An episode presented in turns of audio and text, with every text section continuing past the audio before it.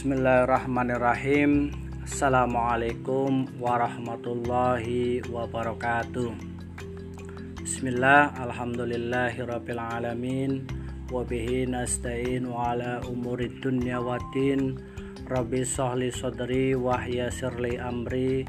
Wahlul uftata milisani yafkau qali amma ba'du. Kepada anak-anakku siswa SMK Muhammadiyah 1 Pemalang yang saya cintai dan saya banggakan.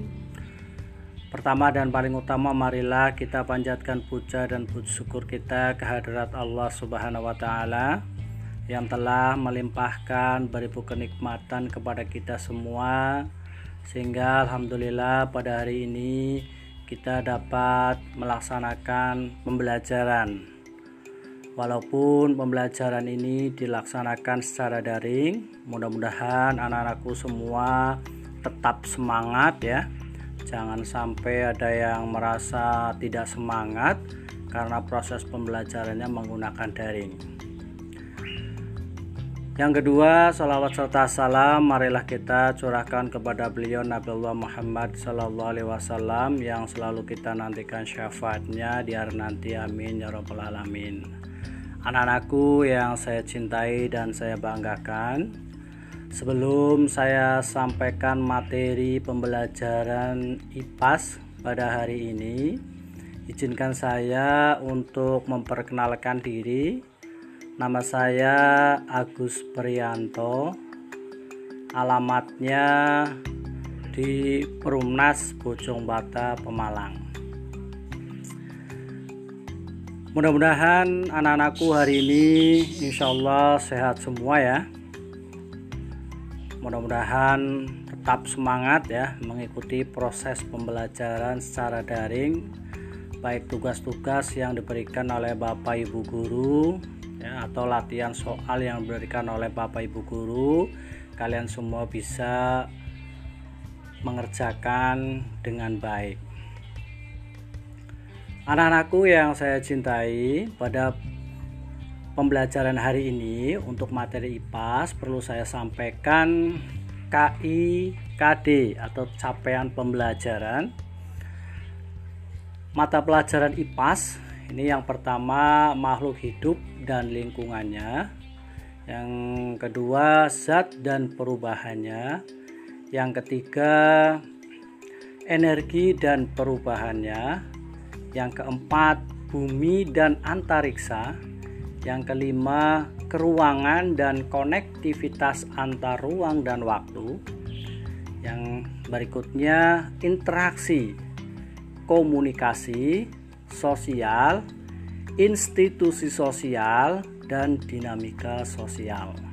Yang terakhir adalah perilaku ekonomi dan kesejahteraan yang mana capaian pembelajaran ini pada pertemuan daring yang pertama saya sudah sampaikan untuk uh, mencatat terlebih dahulu ya tujuan pembelajaran atau capaian pembelajaran terlebih dahulu.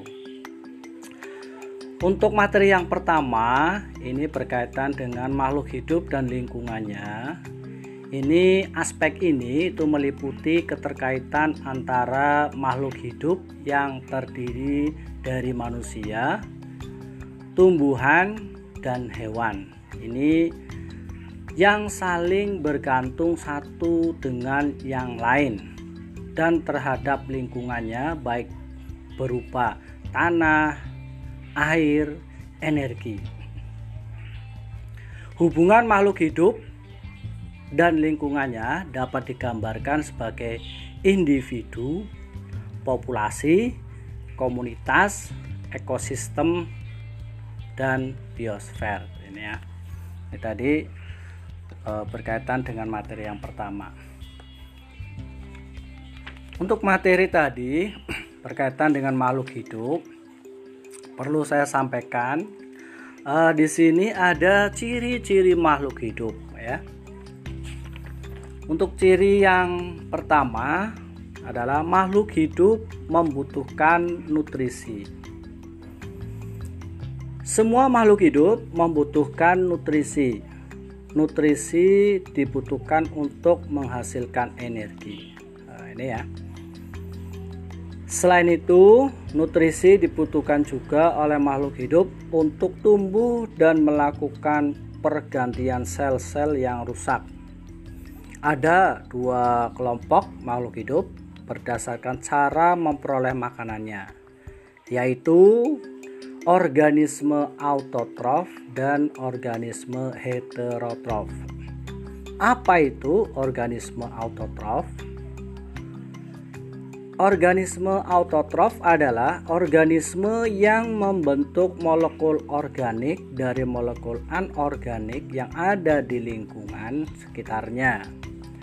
Contohnya adalah tumbuhan. Tumbuhan membuat bahan makanannya melalui proses fotosintesis. Di dalam setiap ekosistem selalu ada organisme autotrof. Organisme ini berperan sebagai produsen. Sementara organisme heterotrof adalah organisme yang menggunakan bahan organik yang sudah ada di lingkungannya sebagai sumber makanan. Bahan organik yang dimakan organisme heterotrof biasanya berasal dari bahan organik yang diproduksi oleh organisme autotrof.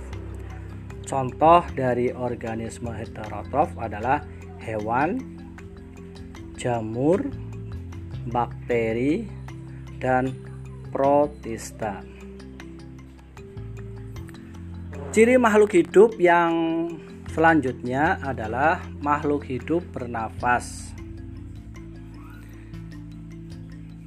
Makhluk hidup bernafas untuk mengambil oksigen dari lingkungan untuk kemudian diserap ke dalam tubuh dan dikirim ke dalam tiap sel. Oksigen dibutuhkan untuk mendapat energi dari bahan makanan.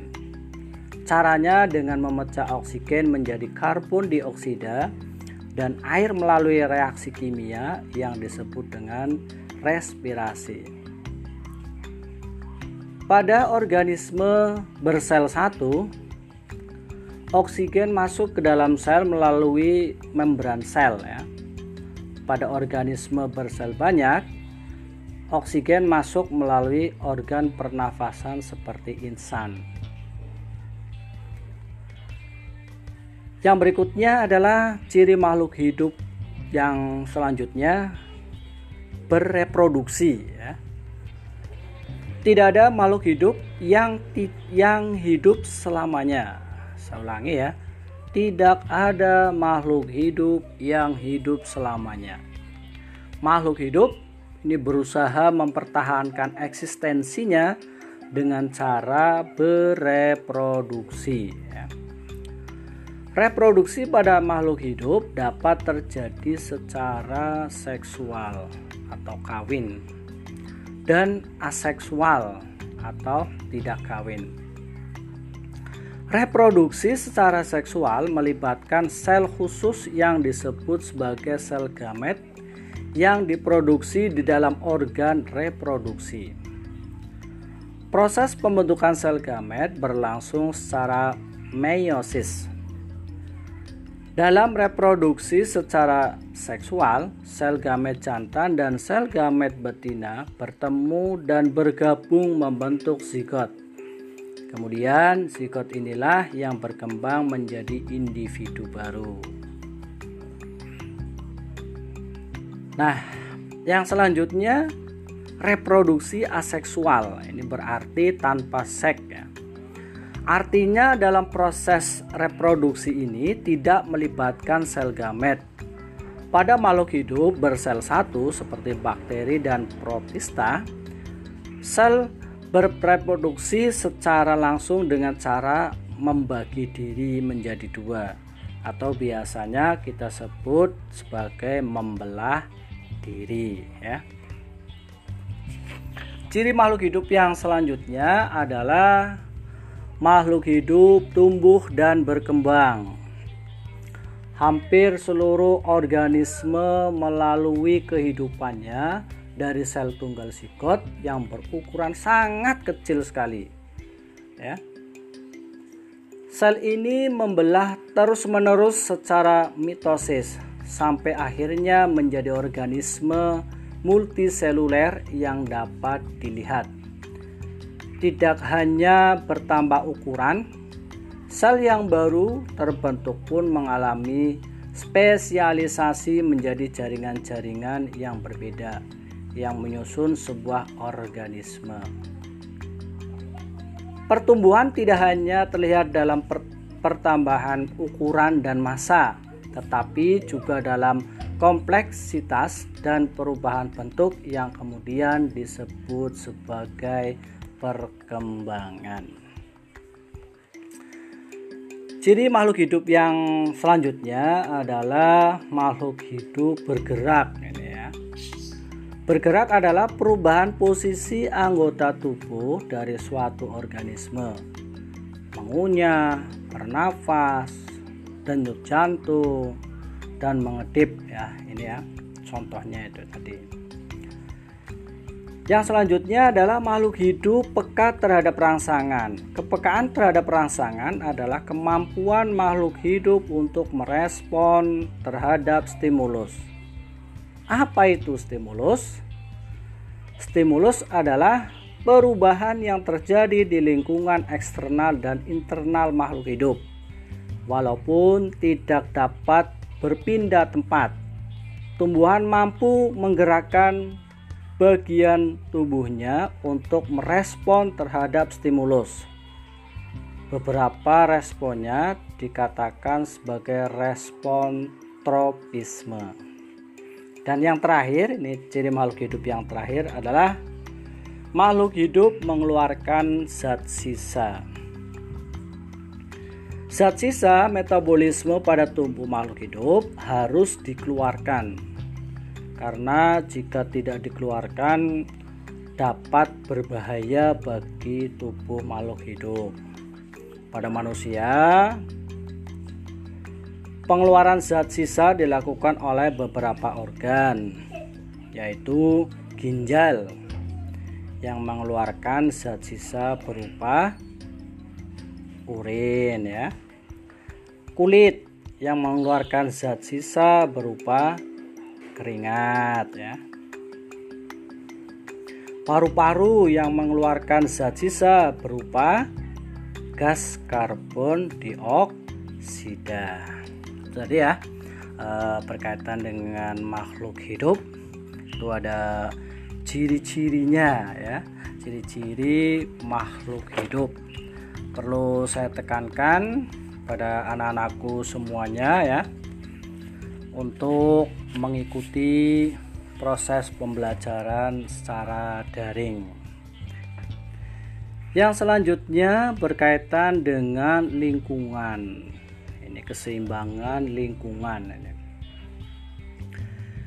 Keseimbangan lingkungan dapat diartikan sebagai kemampuan lingkungan untuk mengatasi tekanan dari alam maupun dari aktivitas manusia serta kemampuan lingkungan dalam menjaga kestabilan ya, kestabilan kehidupan di dalamnya. Keseimbangan lingkungan dapat tercapai ketika interaksi antar organisme dengan faktor lingkungannya dan interaksi antar komponen dalam suatu lingkungan dapat berjalan dengan proporsional. Uh, di sini ada peristiwa letusan Gunung Krakatau ini contohnya ya. Ini menunjukkan bahwa lingkungan sebenarnya bersifat dinamis dan memiliki kemampuan untuk mendukung kelangsungan hidup makhluk hidup. Untuk untuk ini ya uh, disebut dengan daya dukung lingkungan. Nah, ini ya. Lingkungan juga memiliki kemampuan untuk mengembalikan kondisi lingkungan keadaan seimbang ketika lingkungan mendapat gangguan atau kerusakan sampai batas tertentu yang disebut dengan daya lenting lingkungan. Ya. Anak-anakku yang saya cintai dan saya banggakan, ya, untuk pertemuan daring pada hari ini mungkin itu yang bisa saya sampaikan. Mudah-mudahan materi tadi walaupun sedikit tapi bisa dimengerti buat kalian semua. Sekali lagi pesan saya ya apa yang diberikan oleh Bapak Ibu guru berupa tugas baik meringkas ya menyimak video mengerjakan latihan soal tolong bisa dikerjakan dengan baik dan hasilnya bisa dikirim ya.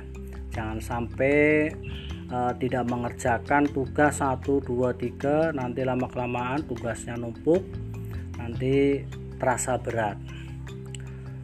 Demikian yang perlu saya sampaikan. Tetap semangat tetap jaga protokol kesehatan ya. Saya akhiri. Assalamualaikum warahmatullahi wabarakatuh